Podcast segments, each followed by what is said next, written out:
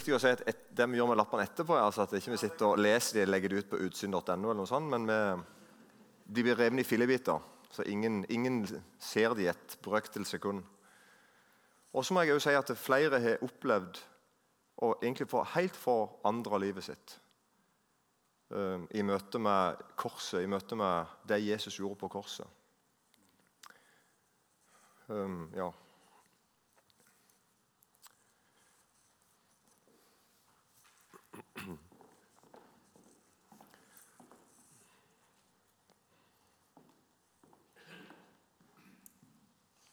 Da skal jeg få lov å be litt for deg, Asbjørn. før du begynner. Ja. Kjære far, jeg bare takker deg for Asbjørn. Jeg takker deg for at han er villig til å tjene deg. Og jeg takker deg nå, far, for at vi skal få lov å bare be om at du må fylle han med din fred. Om at du vil gi han det han trenger nå i denne stund. At du vil tale dine ord gjennom han nå. I Jesu navn. Amen. Ha.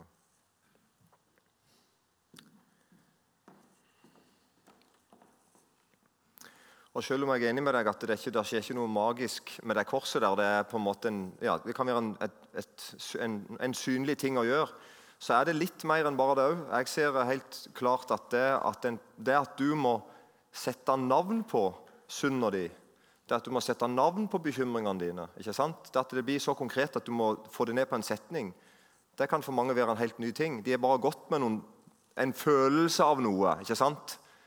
Jeg føler meg ikke verdig, jeg føler ikke at alt er som det skal. Jeg føler ikke at jeg, jeg, jeg kan ikke være fremodig. Når du da begynner å spørre om ja, hva, er det konkret det handler om, så kan det ofte være veldig sånn nyttig å sette så ord på det at det kan skrives ned. Og For mange så er det nok å bare si det til at det blir en ting mellom deg og Jesus. og Andre ganger er det ting kanskje du vil bekjenne. Og av forskjellige grunner vil bekjenne. Jeg kan si for min del nå, vil jeg bekjenne en ting, eller fortelle om en ting eh, som kom til meg akkurat nå. Det er ikke, dette er ikke planlagt, men, og dette pleier jeg ikke vanligvis gjøre.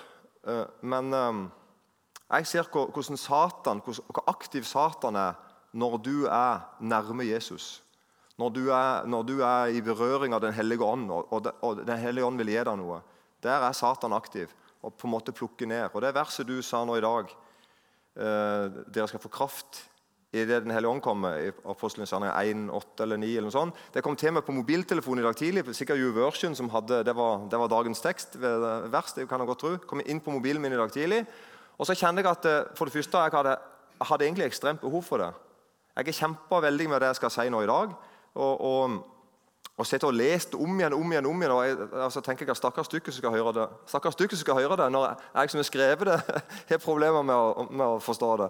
Eh, men, men, eh, og Så kom det verset til meg, og så kjenner jeg at jeg eh, jeg tenker, det, ikke inn over meg. Jeg tenker ja, det er fint. Er du med? Ja, det er fint. Fint vers, det. Men hva betyr det egentlig? Og jeg tror det, Er du ikke med på den? Men, du er så nærme å få noe av Gud. Og så er det akkurat som bare sånn en, en, liten tilfeldig tanke om at ja, ja, eller det gjelder ikke deg, eller, eller et eller annet. Det er bare sånn, Så snappes det. Er du, er du merka det? Eller jeg sitter for min del og, og, og, skriver på noe som jeg tror er og slett er for Gud. Mye av det vet jeg er for Gud, for det er hans ord. Og så er det akkurat som bare sånn Nei, dette her er ikke noe å si. Dette, det, det her er ikke noe vits i å si. Så liksom blir alt bare plukka fra hverandre. Sånn opplever jeg det. Og jeg tror det kan være noen godt å si det ut at Satan blir avslørt. Han er en tyv. Han vil ta ifra deg det Gud vil gi.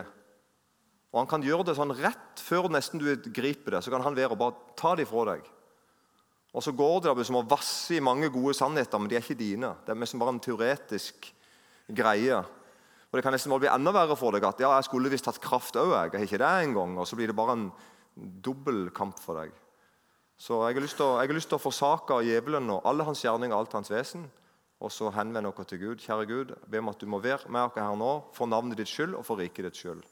Jeg ber spesielt for de som har en plaga samvittighet, de som ikke har fred, de som ikke vet om de hører deg til, eller de som vet de ikke hører deg til. Ber spesielt for dem. Be om at du må treffe dem med noe i dag. Gi dem noe. Og kunne det underet skje at de fikk sett hvem du er, og få liv, så vil vi prise deg for det. Amen. Før vi leser det som er dagens tekst fra Johannes 14, 23-29, så vil jeg, vil jeg, bare ta sånn to-tre minutter bare til sånn et, for meg kaller det for et bakteppe. Altså hva som kan ligge bak når vi leser teksten. Og I Lukas 12 Vi kunne ha funnet andre plasser òg, men for da, i Lukas 12 så ser vi litt om Jesus sin forkynnelse. Og Der ser vi da altså i Lukas 12, vers 1-3, så står overskriften i Bibelen min da, 'advarsel mot hykleri'. Så sier Jesus noe om hykleri. Så kommer vi fra vers 4-12, 'advarsel mot menneskefrykt'. Og så kommer de fra vers 13-21. Det er kalt for advarsel mot dumskap. Det er mitt ord. Men Jesus sier at Gud kommer til bonden og sier 'du dåre'. Og Det er vel å være dum, er det ikke det? Å være dåraktig. Det er en advarsel mot å tro at du kan trygge deg for evigheten med ting her i livet. Og så er det advarsel mot åndelig søvn, om å være våkne. Og så, i vers 49, så kommer det da et enormt sterkt vers. Jesus sier dette. Ild er jeg kommet for å kaste på jorden og hvor jeg skulle ønske at den alt var tent. Ild er jeg kommet for å kaste på jorden, og hvor jeg skulle ønske at den alt var tent. Jeg vet ikke hva du får ut av det verset, skulle jeg si. men jeg kan, jeg kan, ikke forstå annet enn at det er, dette handler like mye om dommen. altså, At, det, at Gud er en fortærende ild, en dommer.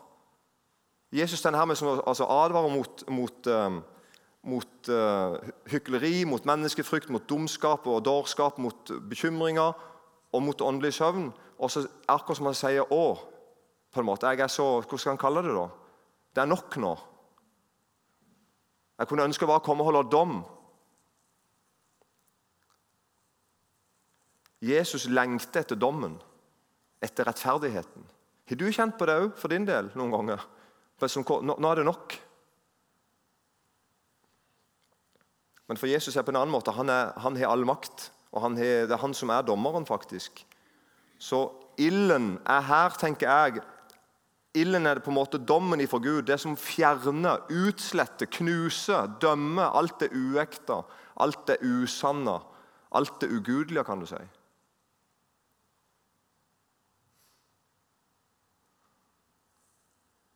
Så på en side så kjenner jeg på noe i meg som er sånn at jeg er enig med Jesus. på en måte. Jeg er, ja, og Samtidig kjenner jeg på en frykt. Oi, men hvor er jeg hen i dette? Kjenner du på det? Hvis du kommer med denne fortærende ilden nå, hvordan, hvordan ligger jeg an i forhold til det? Og den, Til og med den smerten går Jesus og bærer på. At På en side sett så har han lyst til å utslette alt onde. Og på andre siden så vet han at jeg døde for alt onde, og jeg, og jeg elsker deg. En enorm herre vi har, en enorm frelser vi har. Som er vred og, og, og hellig og dømmende i ordets egentlige forstand. Og samtidig mild og kjærlig og ettergivende og barmhjertig Går ikke an å forstå han. Men det var det jeg ville si var det, den ilden. Eh, det er, er en ild som en dag skal treffe.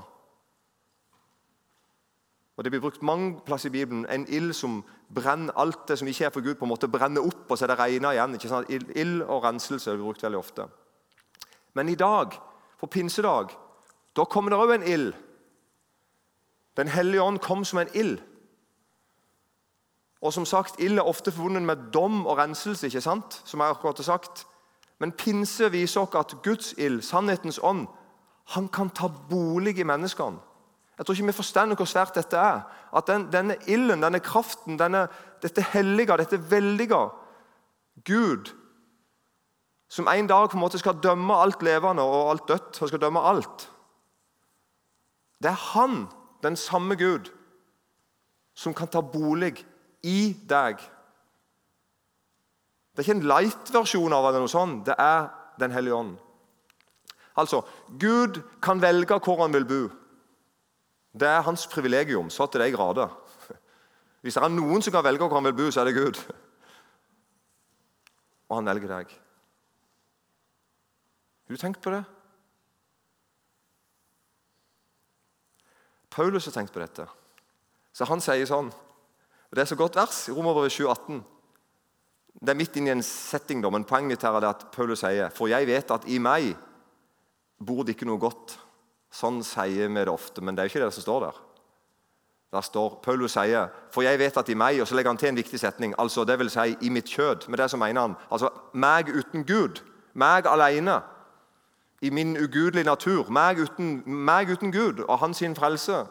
Så bor det ikke noe godt. For Paulus er fullstendig klar over at det er ikke sant å si en, for en kristen at i meg bor det ikke noe godt. Da hadde det vært en løgn. Da hadde det vært blasfemi.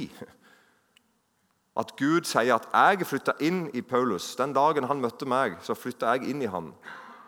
Og han ble mitt tempel. Da kan ikke Paulus si 'i meg bor det ikke noe godt'. Derfor er Paulus veldig nøyen på det. For jeg vet at i meg, det er i mitt kjød, bor det ikke noe godt. Og Så kommer det et vitnesbyrd om at han har fått en ny vilje. Han har fått en vilje til å følge Gud og til å gjøre det gode. Og så merker han på at han i seg sjøl ikke klarer det. Og så teksten for i dag, da. Johannes 14, 23-29 i Jesu navn. Jesus svarte så til ham. Om noen elsker meg, da holder han fast på mitt ord. Og min far skal elske ham, og vi skal komme, skal komme til ham og ta bolig hos ham. Og dette, du ser at dette er et svar, og det er han Judas, ikke Iskariot, men den andre.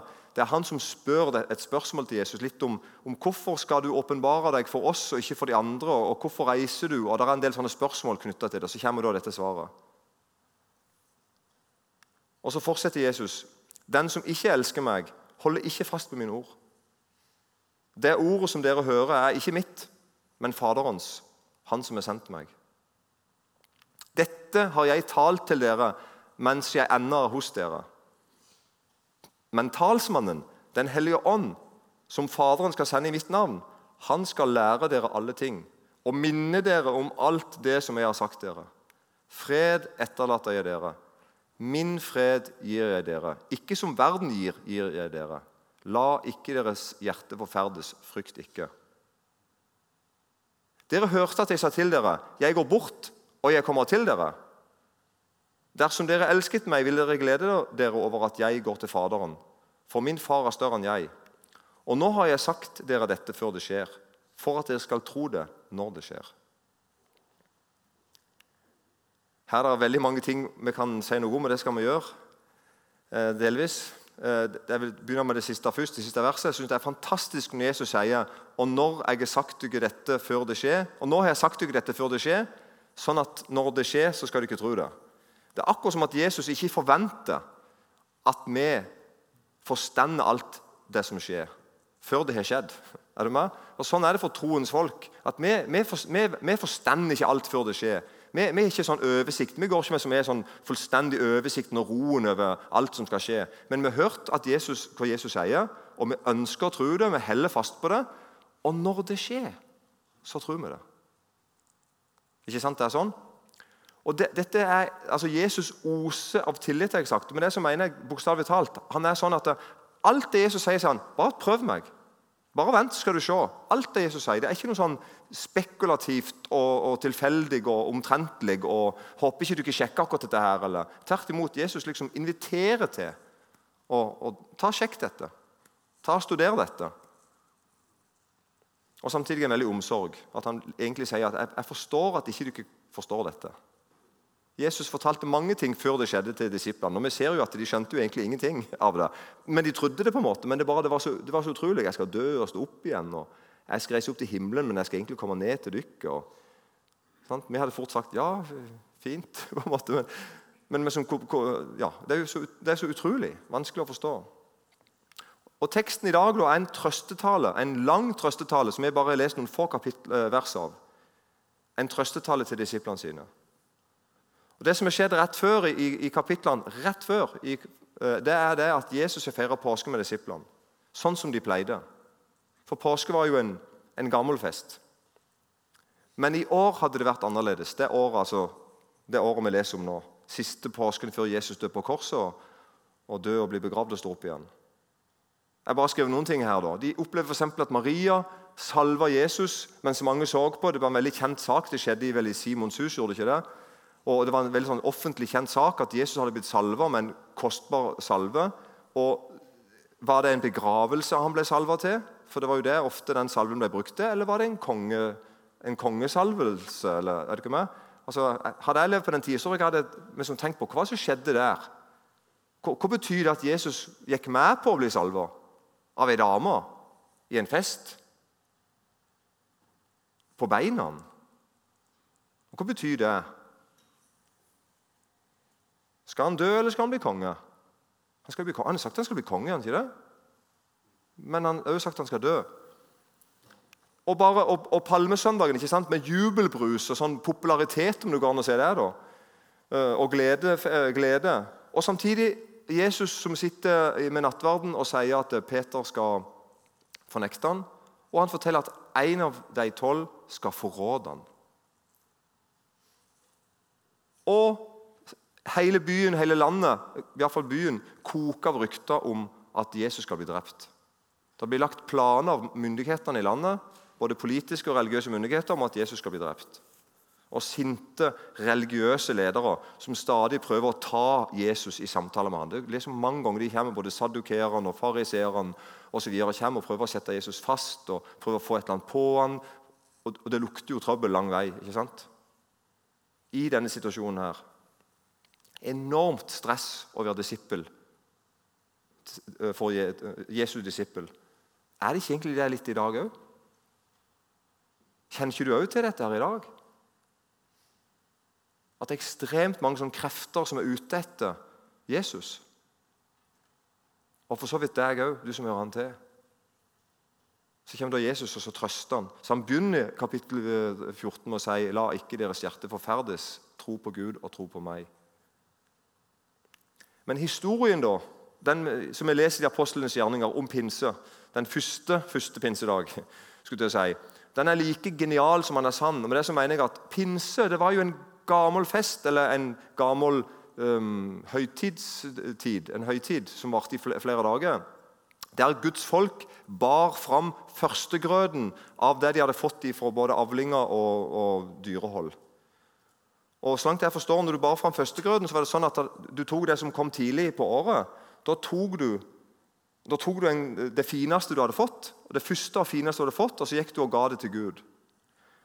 Og det Førstegrøten vitner litt om hvordan året kommer til å bli. ikke sant? Vi ser allerede nå tegningen til hvordan avlingene blir i år. Hvis ikke det skjer med som en naturkatastrofe. Så det ligger litt i kortene. ikke sant? Hvis du spør en bonde som er greia på ting, så vil han si litt om hvordan han tror avlingene i året blir. allerede nå. For Det ser du allerede med som på førstegrøten. Jeg kommer fra en gard med sauer. og Det første som fikk, fikk lam, så, så, det sa litt om hvordan det kom til å gå i år. ikke sant? Det, veldig fort så du at ok, det er sånn et år. Eller, eller, motsatt. Her, dette ser bra ut. Men samtidig var det, var det også et trosprosjekt det de gjorde, for de ga før de hadde fått det. De, et, de, kom, de ga ikke etter grøten. skal jeg si. De kom ikke og ga meg sånn etterpå når de visste at i år gikk det godt. så her, er som, her er du en fin prosent. Nei, det var et slags trosprosjekt i det. At de ga, de ga inn det fineste de hadde, uten å vite hvordan resten av året gikk. Og Sånn tror jeg at vi kristne også skal tenke. Når vi gir til Gud, skal vi ikke gi restene. Og Dessuten var pinse noe mer enn det. Pinse var en fest der de feirte at Gud kom ned på Sinai-fjellet og ga loven. Og Vi har kanskje et litt negativt forhold til loven. og tenker at loven er det der som dømmer oss, Men loven var jo, altså, det var, det var jo den største oppreisningen et land kunne få. De fikk altså grunnloven sin. De ble et folk med en gud. Og det, og det var en god lov og som de kunne leve etter. Og der var det ild og greier på Sinai-fjellet. Iallfall helt sikker. Og da var det sånn at det var til og med grenser. Du måtte ikke gå, krysse den grensa, da døde du. liksom, For Gud var på fjellet, og Moses var der, og da var vel en 71-72 andre òg. Og de var der i 40 dager, vel. Og dette feirte de da, hvert år. Vi fikk Guds lov. Gud ga oss lover. Gud ga oss forskrifter. Vi, vi kan, og ikke minst han ga de forskrifter om hvordan de skulle dyrke. Sant? Om hvordan de skulle tabernakle, tempelet osv. Derfor er det riktig å si at pinse var, før den pinse vi leser om nå, en Guds ordfest, om det går an å si. Altså en, en lovfest. Guds lovfest, en Guds ordfest. Vi ville kanskje hatt en bibelfest eller noe sånt. ikke sant? Altså, det, det er som De feirte på en spesiell måte at vi fikk ord fra Gud. Lover, forskrifter, formaninger, løfter ifra Gud. Og så var det en førstegrødefest. Sånn har det altså vært i mange hundre år. Og akkurat tilfeldigvis da, så, så kommer altså Den hellige ånd på pinsedagen. Som forresten betyr den 50. Og det, Jeg er utrolig dårlig på alt som har med kalendere og høytider å gjøre. Tro meg, jeg er veldig dårlig på det. Men jeg har lært at fra første påskedag til første pinsedag så er det nøyaktig fra og med første påskedag til og med første pinsedag så er det 50 dager. Det er den 50. dagen etter første påskedag. Pinse betyr faktisk 50. Pentakost. Poenget her er at på pinsedagen, som vi leser om, leser om i Apostelens gjerning kapittel 2, så ser vi at nå skjer, nå skjer alle de tingene på en måte som har skjedd før. Altså, Førstegrøten det er at, det at, vi, det at vi gir førstegrøten på en måte av høsten. Her er, som, her er forsmaken på høsten. Det kommer, my, det kommer mye etterpå. Her er bare forsmaken. 3000 sjeler ble lagt i menigheten den, den dagen. Er det ikke med? Det er førstegrøten. Det er akkurat som at en bonde sier at her har du så og så, så, mange jordepler og så og så mye gulrøtter. Dette er bare forsmaken på det som kommer. Det kommer mye mer etterpå. Og, og Førstegrøten vitner som sagt litt om hva som kommer. Så skjer da? 3000 sjeler ble lagt i menigheten første dagen. Vi skjønner at det, det, er noe stort på gang. Det er en veldig stor høst på gang. Så det er førstegrøten. Og det er en Guds ordfest så til de grader. Peter og de andre får altså en ekstrem, uforklarlig, mirakuløs frimodighet. Og står foran folk som, er, som har akkurat drept lederen deres. Bokstavelig talt. Og de til og med forteller at det er det de har gjort. kan tenke deg? Og så vitner de frimodig og forteller og forkynner Guds ord til folket på en haug med språk som ikke de kunne. Og så står det da folk fra alle slags språk og, og forskjellige folkegrupper og sier Hæ?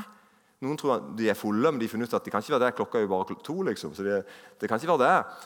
Um, og, så, og så forstender folk det og blir ja, Poenget mitt er det er en førstegrødefest. 3000 mennesker blir lagt i menigheten. Det vitner om en stor høst der mange millioner skal komme senere.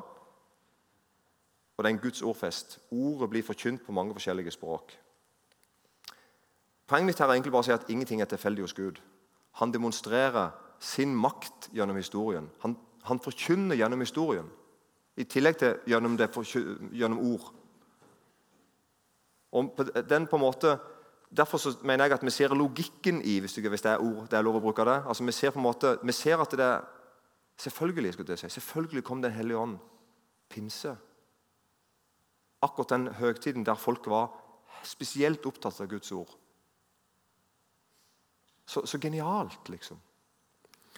Det er en sammenheng mellom Guds ord og Guds ånd òg i livet ditt. Sånn som det var den pinsen. Jeg skal bare nevne et par ting som jeg nevner ganske ofte de siste to-tre årene. Jeg er fullstendig klar over det, men jeg, det, jeg kommer til å gjøre det to-tre år til hvis jeg lever helsa. Og det er, Jeg vil nevne to ting som jeg syns vi snakker litt for lite om. Det første er vantro. Altså det å ikke ville tro. Det er å høre et gudsord, men ikke ville tro det. Og Jeg tenker på en utrolig eh, dramatisk plass i Matteus 13. Siste vers i Matteus 13. Der står det og Jesus gjorde ikke mange kraftige gjerninger der pga. deres vantro. Der står det om heimplassen hans i Karpernaum. For det er pga. deres vantro. Poenget mitt er det er en sammenheng mellom mitt forhold til Guds ord og hva Guds ånd kan gjøre i livet mitt. Det er en sammenheng. Ikke så mye sånn, ikke sånn en matematisk sammenheng, liksom. Men du er ikke med på den? Det er en sammenheng. Og det er en sammenheng mellom uoppgjorte synder mellom mennesker. og Guds ånd. Hva Guds ånd kan gjøre i livet mitt. Det står i Salme 32, 32,2.: Salig er det menneske som Herren ikke tilregner misgjerning. Og Det betyr altså å være frelst, ikke sant? at Gud ikke tilregner meg mine synder. Han ser i nåde til meg. Og Så kommer det et komma der, og så står det 'og som er uten svik i sin ånd'. Og Det er veldig viktig å ta med den siste setningen der. når, når, Jesus frelser deg, når Gud frelser deg fra alle dine misgjerninger eller synder, og ikke tilregner deg de, sånn at du går fri Alt er vel mellom deg og Gud. Så legger, så legger David til en ting her. Han sier du må heller ikke ha svik i din ånd. Og Hva vil jeg si? Jo, Det vil, tror jeg først og fremst vil si at jeg sier ja takk til syndenes forlatelse, men jeg har ikke tenkt å omvende meg. Jeg vil bare ha, jeg vil bare ha egentlig tillatelse til å fortsette synder. Så Jeg snakker veldig mye om nåde og snakker om hvor godt det er, og, og frelsen, hvordan frelsen er sånn, men det er en svik i min ånd. altså Jeg går, jeg går svikefullt av sted. Og så, og så har jeg bestemt meg for at jeg vil egentlig bare bruke nåden til å ha samvittighet, god samvittighet til å fortsette det livet jeg nå lever. Et liv uten omvendelse. Et liv uten oppgjør. Dette er veldig farlig. Og Når, når menigheter, når enkeltpersoner møtes i menigheter og må ærlig innrømme at her, her, her i gården så gjør vi ikke opp. Vi kan og være sure på hverandre i fire år eller 40 år. Vi kan arve problemstillinger, konflikter, dritsnakk, baksnakk. Hvis, hvis, hvis vi tror at det går upakta hen i Guds rike, så er vi helt ute å kjøre. Dette er farlig.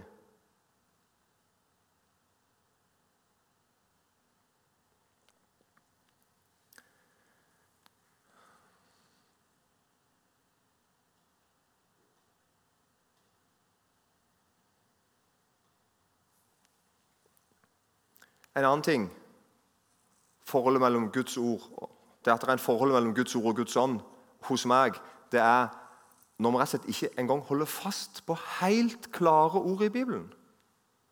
Vi leser et ord, og så liker vi det ikke. Så tenker vi at dette ordet liker vi ikke, så vi, vi bare bryr oss ikke. Eller vi bryr oss jo, vi finner kule forklaringer på hvorfor ikke vi vil følge det ordet. Hvis vi tror at det på en måte går an å gjøre, så bommer vi. Den retten har vi ikke. Det er Guds ord. Så jeg må innrette meg. Jeg må, jeg må respektere Guds ord. Jeg må bøye meg for det.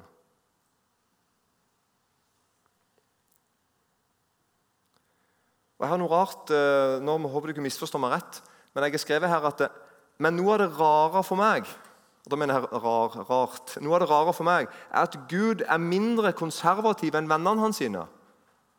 Ordet konservativ og liberal er jo forferdelig vanskelig ord å bruke. for Vi har alle sammen vår egen forklaring av hva det er. ikke vel? Du er din sånn soleklar definisjon av hvor konservativ og liberal er. Og jeg er min. og tenker at den må være, Der går grensa, liksom. Så ha litt sånn, Ikke tenk at jeg kanskje mener akkurat det du legger i ordet konservativ.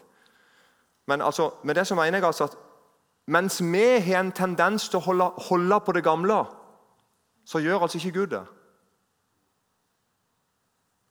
Dette er kanskje det viktigste jeg vil si i dag, så jeg håper at vi så gjerne vær litt grei med meg. og, og skal være grei med dere, At vi får tak i hva jeg mener nå. Det er ikke bare sånn en forsøk på å være kul eller morsom. Dette er kanskje noe av det viktigste for meg, som jeg vil si spesielt til dere. Dette sier ikke jeg hvor jeg kommer. Dette sier jeg spesielt til dere og, og til meg, altså. Til sånne som oss. Glem de andre. Jeg har en tendens til å være mer konservativ enn Gud. Fiffig. Gud har skrevet her at Gud anerkjenner det gamle, og han er sjøl den gamle av dage. Han blir faktisk kalt i 5. Mosebok 33, 27, så blir han kalt for den eldgamle. Så det er ikke noe galt i å være gammel. det er ikke det vi snakker om. Og vi gjør uklokt i å le av det gamle, se ned på det gamle, snakke dårlig om det som skjedde før. liksom, ha, så dumme de var. Nei, nei, det, det er ikke det vi snakker om. Men vi må forstå det gamle og Skal jeg forstå det gamle, så, så må det altså få en, det gamle, jeg må forstå det gamle på en sånn måte at ikke det kommer i veien for Guds rike. Er dere med på den? Så når, når, du, når, du, leser, det, når du leser i, um, i, Bibelen, både, særlig i Det gamle testamentet, da, men, men, du ser jo nye òg, men i Det gamle testamentet som regel, altså, eller Veldig ofte da, når israelsfolket handla galt, det de, gjorde, det de gjorde, var at de, de holdt på med det på en måte Gud hadde sagt de skulle holde på med. De gjorde det, de feirte det. Så kom den datoen, og da, da, visste de at ja, nå skal vi feire den tingen. Så feirte de den tingen. De tok helt av i byen. Sant? Og de var nøyne på, så, det, så, kom neste feiring, så var det neste fest, og så var det en ofring her og en ofring der. Og så var det sånn og sånn. Og Gud bebreider de ikke for at de, at de holder seg til høytidene sine, men han sier til dem sånn fritt oversatt Dere har tømt det for innhold. Så det bare ser kristelig ut, men det er ikke det. Er du kommet på den? Det er, to, det er tømt for innhold. Du ikke, på en måte, ikke, ikke bare holde fast for noe gammelt. Ja, nå er vi på trygg grunn. Hvorfor det? Nå gjør vi det vi alltid har gjort. Så kommer, så kommer Gud og sier for det første, du gjør ikke det du alltid har gjort. for dette, Hjertet ditt er ikke i det lenger. Men for det andre òg altså, de, de, de, tror mer på det de gjør, enn på han guden som, inn, som innsatte det. hvis det går an å si. Som innførte det. Så jeg må, forstå, jeg må forstå alt det gamle. Da mener jeg ikke bare i Bibelen, men alt det gamle fra far og mor og fra i fjor. Og, og skjønner du, altså, Fra gamle teologer. Jeg, får, jeg, jeg, må forstå det gamle, sånn at det ikke kommer i veien for Guds rike. Jeg skal prøve å gi et par eksempler i Bibelen. da. Døperen Johannes det er jo det beste eksempelet i hele verden. Og Jesus kaller døperen Johannes for den største profeten som noen gang har levd. Og jeg, jeg tipper jo at mye av grunnen er nettopp det jeg nå skal si. Han har gjort en ting ingen andre har gjort, verken før eller etter han. Han tar med seg hele folket ifra den gamle pakt inn i den nye pakt. Og prøv du å gjøre det. Altså der du, der du skal, du skal, han skal altså ikke på noen måte ringeakte den gamle pakt. Han skal ikke snakke negativt om det som er verdt. Det er det mange som gjør i dag, men som sånn, snakker om hvor dumt det var i Gamle Testamentet. Er det ikke mer? Sånn, så dumme de var, eller de gjorde sånn og sånn. Nei.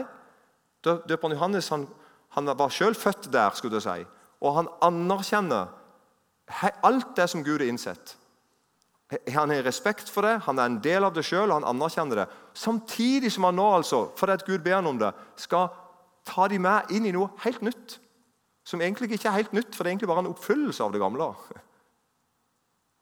Men hadde jeg og deg levd da, så tipper jeg at vi hadde tenkt at døperen Johannes han liker vi ikke. Det er jeg redd for vi hadde tenkt. Én ting var klesdrakten hans, at han kunne godt ha kjøpt sånn, i hvert fall en gens på kubus i stedet for å gå med en kamelhårskappe. Eller, altså, han, han, så rar ut, visstnok, og han åt honning og levde i villmarken. og sånn, Det sa folk om han. Men òg altså at hele han, det var noe sånn ekstremt utfordrende med han. Hva er det han holder på med? Og Så sier Jesus han var den store veirydderen på en måte, som rydda vei for Jesus. da. Så Poenget mitt er å si det, at det, det å bryte på en måte nytt land. Det å gjøre noe nytt uten disrespekt til det gamle. Så vi òg må gjøre dette her. Jeg må forstå tida, hvis det går an å si. Jeg må forstå situasjonen. Jeg må ikke bare kopiere. Vi gjør som før. Hvorfor det? Jo, for da, da vet vi det riktig. Nei, det vet du faktisk ikke at det er.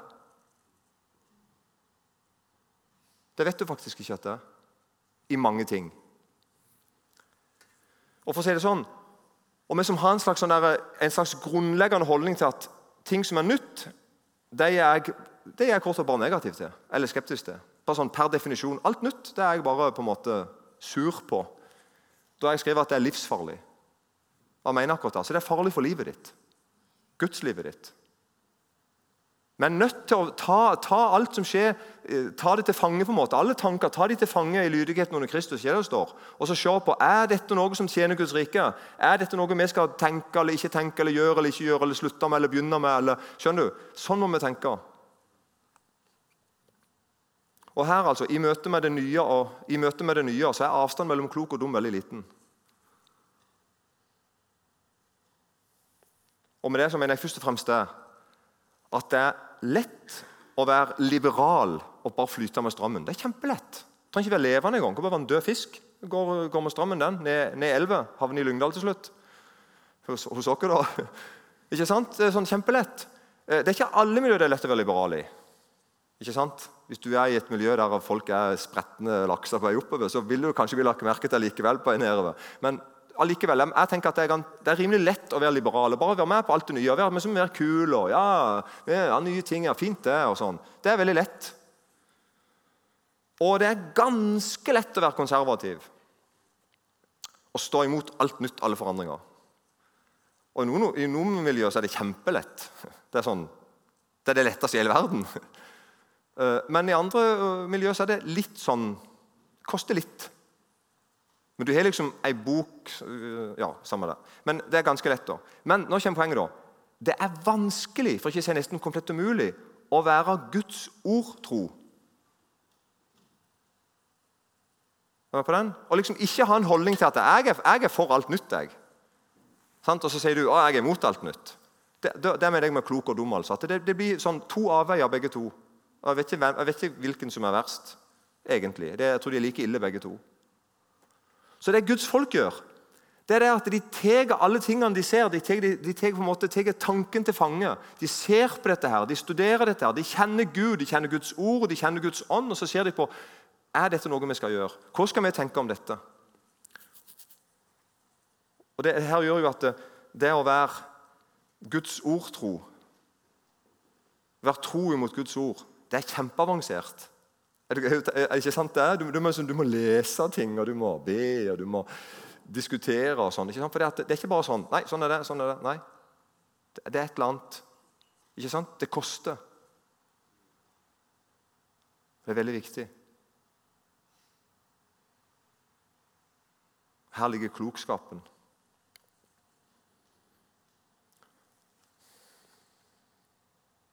Og jeg skal være at det, det krever at du gir livet ditt til sannhetens ånd.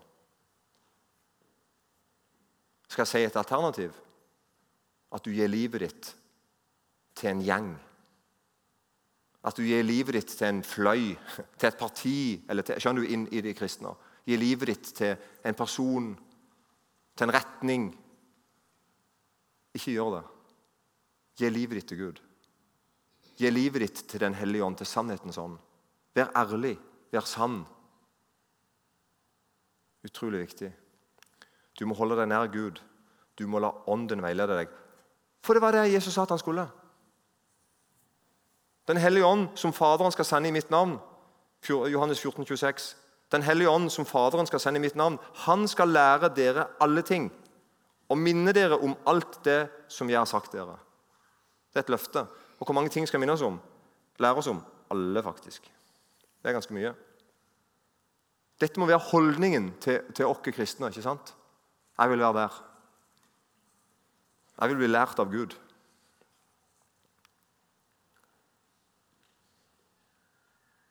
Så Pinsedagen, som vi leser om i Apostlenes gjerninger, kapittel 2, er, definitivt, er definitivt noe nytt. Det har skjedd noe helt nytt. Men samtidig altså er det en oppfyllelse av noe gammelt. Så jeg skrev her da at Det gamle rydder plass for det nye. Og det nye det nye stender på en måte stender på skulderen på det gamle. Det, den pinse vi leser om i Apostlenes gjerning kapittel 2, den hadde ikke skjedd hvis ikke det hadde vært for det som var før. Det henger sammen. Peter står ikke der og sier at bare glem alt det gamle. bare noe fjas. Nei, nå, nå er det her. Så nei. Vi, vi, vi står på skuldrene. Ikke det? det er et positivt ord. ikke det? Vi står på skuldrene av det som skjedde før. Vi står i, i, en sammenheng. Og Sånn var det forresten med den påsken som vi leser om som sagt rett før Johannes 14. Johannes 12, 13 og sånn. Da leser vi også altså om at Jesus han feira en jødisk påske som var mange hundre år gammel. Der de mindes utgangen av Egypt. ikke sant? Det er de mindes påskelammet som ble slakta, det blod som ble strykt på dørstokkene, som redda alle som var inne i huset, alle de førstefødte inne i huset. Og, og minne om utfrielsen av trellehuset i Egypt, der de hadde vært slaver og fanga i 400 år. Og mens Jesus sitter og feirer det, så vet han at 'jeg er påskelammet'. Jeg er påskelammet. Sitter han, mens han sitter der og eter påskelammet. Utrolig rart. For ei tid måtte ha levd i da. Liksom. Så påske fikk vi som et helt nytt innhold. Men det disser ikke det gamle.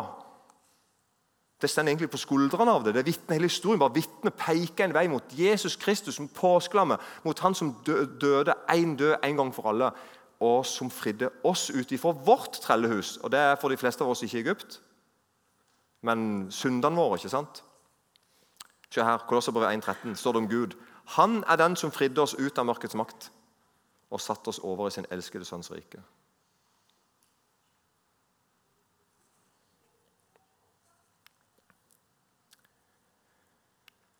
Den hellige ånd gjør ofte noe nytt. Den hellige ånd gjør ofte noe nytt.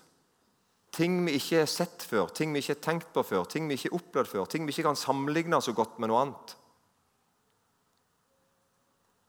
Og jeg skrev at Hele greia handler egentlig om dette, og med det så mener jeg det. Johannes 3, 3. At når Nikodemus kommer til Jesus og spør hva kan jeg gjøre for å komme til himmelen, Jeg har lyst til himmelen. Jeg har lyst til å være med i riket ditt. da. hvordan kan jeg komme inn i ditt rike? Og Så svarer da Jesus og sier til Nikodemus.: Sannelig, sannelig sier jeg deg, uten at den blir født på ny, kan en ikke se Guds rike. Er ikke det ganske nytt? Er ikke det ganske revolusjonerende? Eh, Ole Hallesby han har skrevet, eh, Her har jeg et par sitat av han, helt korte sitat av Ole Hallesby. Eh, de leste i en 90 år gammel bok. Han har skrevet om det, det Jesus sier til Nikodemus som blir født på ny. Så sier han da gjenfødelsen er visst kristendommens verste forargelse. Ikke noe tenkt på det? Jeg tenker at det er det beste på mange måter, men jeg skjønner hva han mener. Endog den edle og fromme Nikodemus steila da Jesus sa uten omsøp at han ikke kunne se Guds rike uten å bli født på ny. Det er noe sånn forargelig over det.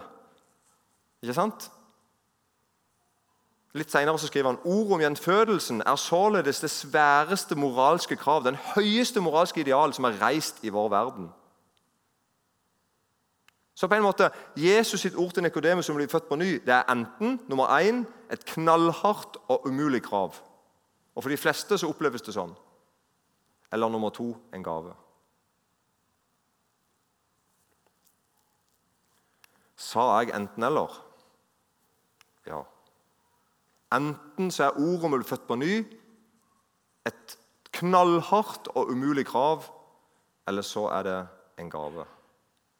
Og Her kjenner du òg på ikke vel? Når Jesus kommer, når, når Den hellige ånd kommer og sier til deg Det er ikke godt nok det du steller i stand. Asbjørn. Det er ikke godt nok det du holder på med. Jeg må, jeg må ha noe, inn noe helt nytt her. Jeg må rett og slett gjøre alt sjøl. Kjenner du på en måte hvor forargelig det er? du? Hvor irriterende det er? Liksom, er du med? Det ligger i oss. Vi liker ikke helt det der. Kunne ikke heller jeg og Gud ha hatt et samarbeid? Så kunne jeg som jeg har en del ting jeg har litt tro på fortsatt, og så kunne han ha kommet inn med alt det som jeg på en måte innrømte at det ikke går som det skal, og så kan jeg og Gud ha en slags samarbeid om min frelse. Men Gud sier nei, nei, nei. Jeg må føde deg på nytt. Så Nikodemus svarer jo det eneste fornuftige. Hæ? Skal jeg liksom inn i magen til mor mi, eller? Altså, det er sånn, han blir jo fornærma omtrent. altså. Og, og sånn, samtidig, hva du sier for noe? Det går jo ikke an. Jesus tar et oppgjør med alt gammelt og sier at det ikke er godt nok. Han vil gjøre noe nytt. Hva er det han vil gjøre? Hei, kort. Eller vet ikke hvor kort det blir. skal vi se. Gud flytter inn hos deg. Det er det nye. Rett og slett. Han gir deg et nytt liv, helt bokstavelig talt. Fortida er forbi. Nå er alt nytt. Framtida er ny hver dag. Det hørte vi til bønnemøtene i dag, at eh, nåden er ny hver morgen. Han gir deg et nytt hjerte. Han gir deg barnekår og arverett hos seg. Han gir deg to advokater, eller talsmenn. Én i himmelen, som blir kalt for og Det står i 1. Johannes brev 2 en eller annen plass. Der sitter Jesus, er vår første talsmann, den rettferdige. Han er min rettferdighet. Han går god for meg innenfor Far. Han taler min sak innenfor far. Er, min rettferdighet sitter på sida av far og er Jesus Kristus, min advokat. Talsmann betyr mer enn advokat. Det betyr en utsendt, frelsende advokat. Og så har jeg fått en advokat inn i kroppen min. Tenk på det. Der sitter en advokat og snakker Guds sak til meg. Kan du tenke deg? Du snakker om å være omgitt av Gud. Og Den ene talsmannen ber for meg. Be for meg. Altså, han, den, ene, den ene talsmannen på en måte har forbønn for meg, og den andre ber egentlig for, i stedet for meg. Så når jeg ber, så bare rensker han alt. sånn at når, når far hører mine bønner, så er de aldeles nydelige bønner. Hellige bønner. Alt er som det skal. Det er helt sant, det jeg sier nå. Sånn at når du ber til Gud, så fryder far seg over barnet som ber til ham. Takka være de der to talsmennene som ordner opp alt for deg. Det er helt fantastisk. Og han forandrer din status ifra å være en synder til å være en hellig. Alt er blitt nytt. Han forandrer statusen din fra å være ugudelig til å være et tempel for Den hellige ånd. For det er ikke bare det at Den hellige ånd bor hos meg og er min talsmann, men han er tempelet sitt der. Jeg skulle til å si det er der det skjer. Gud er aktiv der.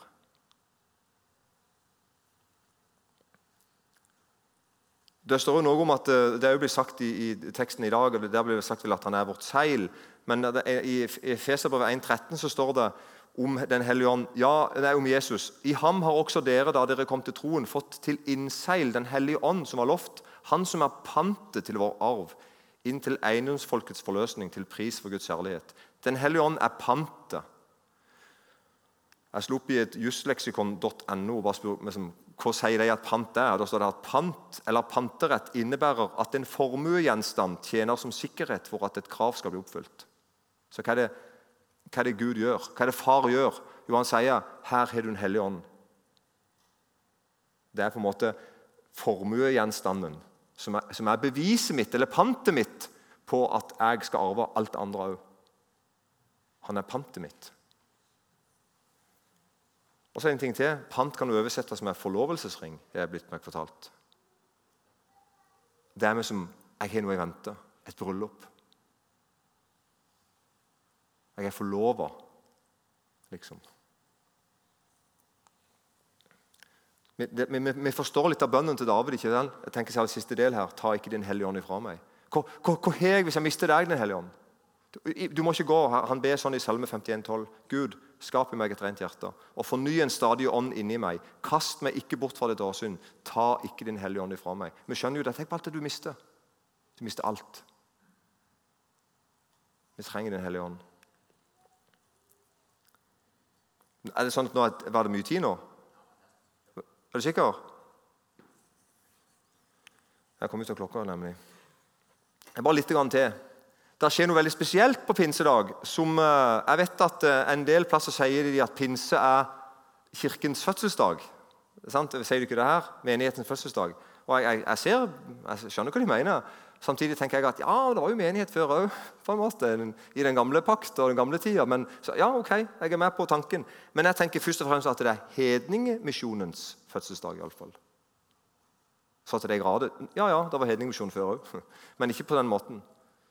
Og Det er veldig interessant å lese i Apostelens gjerning kapittel 10, når Peter får et syn, og han må få det tre ganger, for han nekter å tro det han ser. Nemlig der kommer ned et, et, en duk, altså et, et, et dekka bord med forskjellig mat, deriblant mat som ikke en jøde kan ete. Urein mat. Og Med beskjed om at du skal ete det. Og han svarer nei, nei, nei, det er helt uaktuelt. Jeg har aldri spist ureine dyr, dyr og kommer ikke til å gjøre det heller. Så kommer synet tre ganger. Så Peter skjønner jo at dette er alvor. Og Siste gangen da, så sier, så sier Den hellige ånd til ham Mens Peter grunnet på synet, for det gjorde han, det skal han ha, sa ånden til ham.: Se, her er tre menn som leter etter deg. Stå opp og gå ned. Følg dem uten å tvile, for det er jeg som har sendt dem.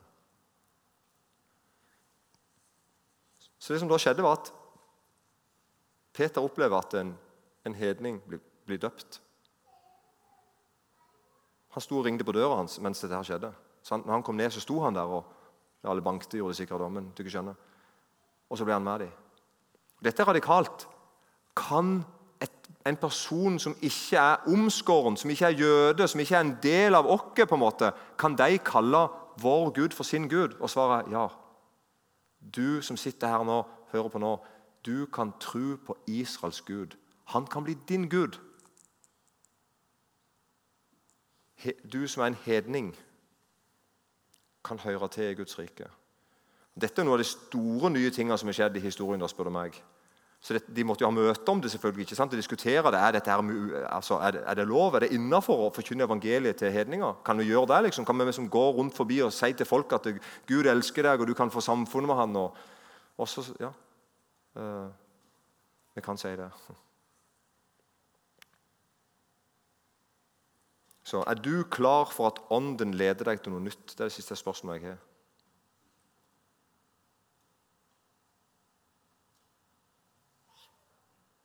Er du klar for at Ånden leder deg til noe nytt? Eller er du klar for at Ånden leder deg til noe nytt?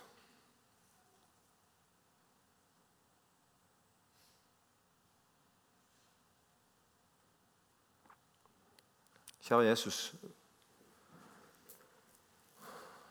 Takk for den du er. Takk for ordet ditt. Takk at du er sann. Takk, sannhetsånd, at du, at du fins. Takk at det er noe som er sant, uansett hva andre, alle andre måtte mene. Takk at det går an å høre til sannheten.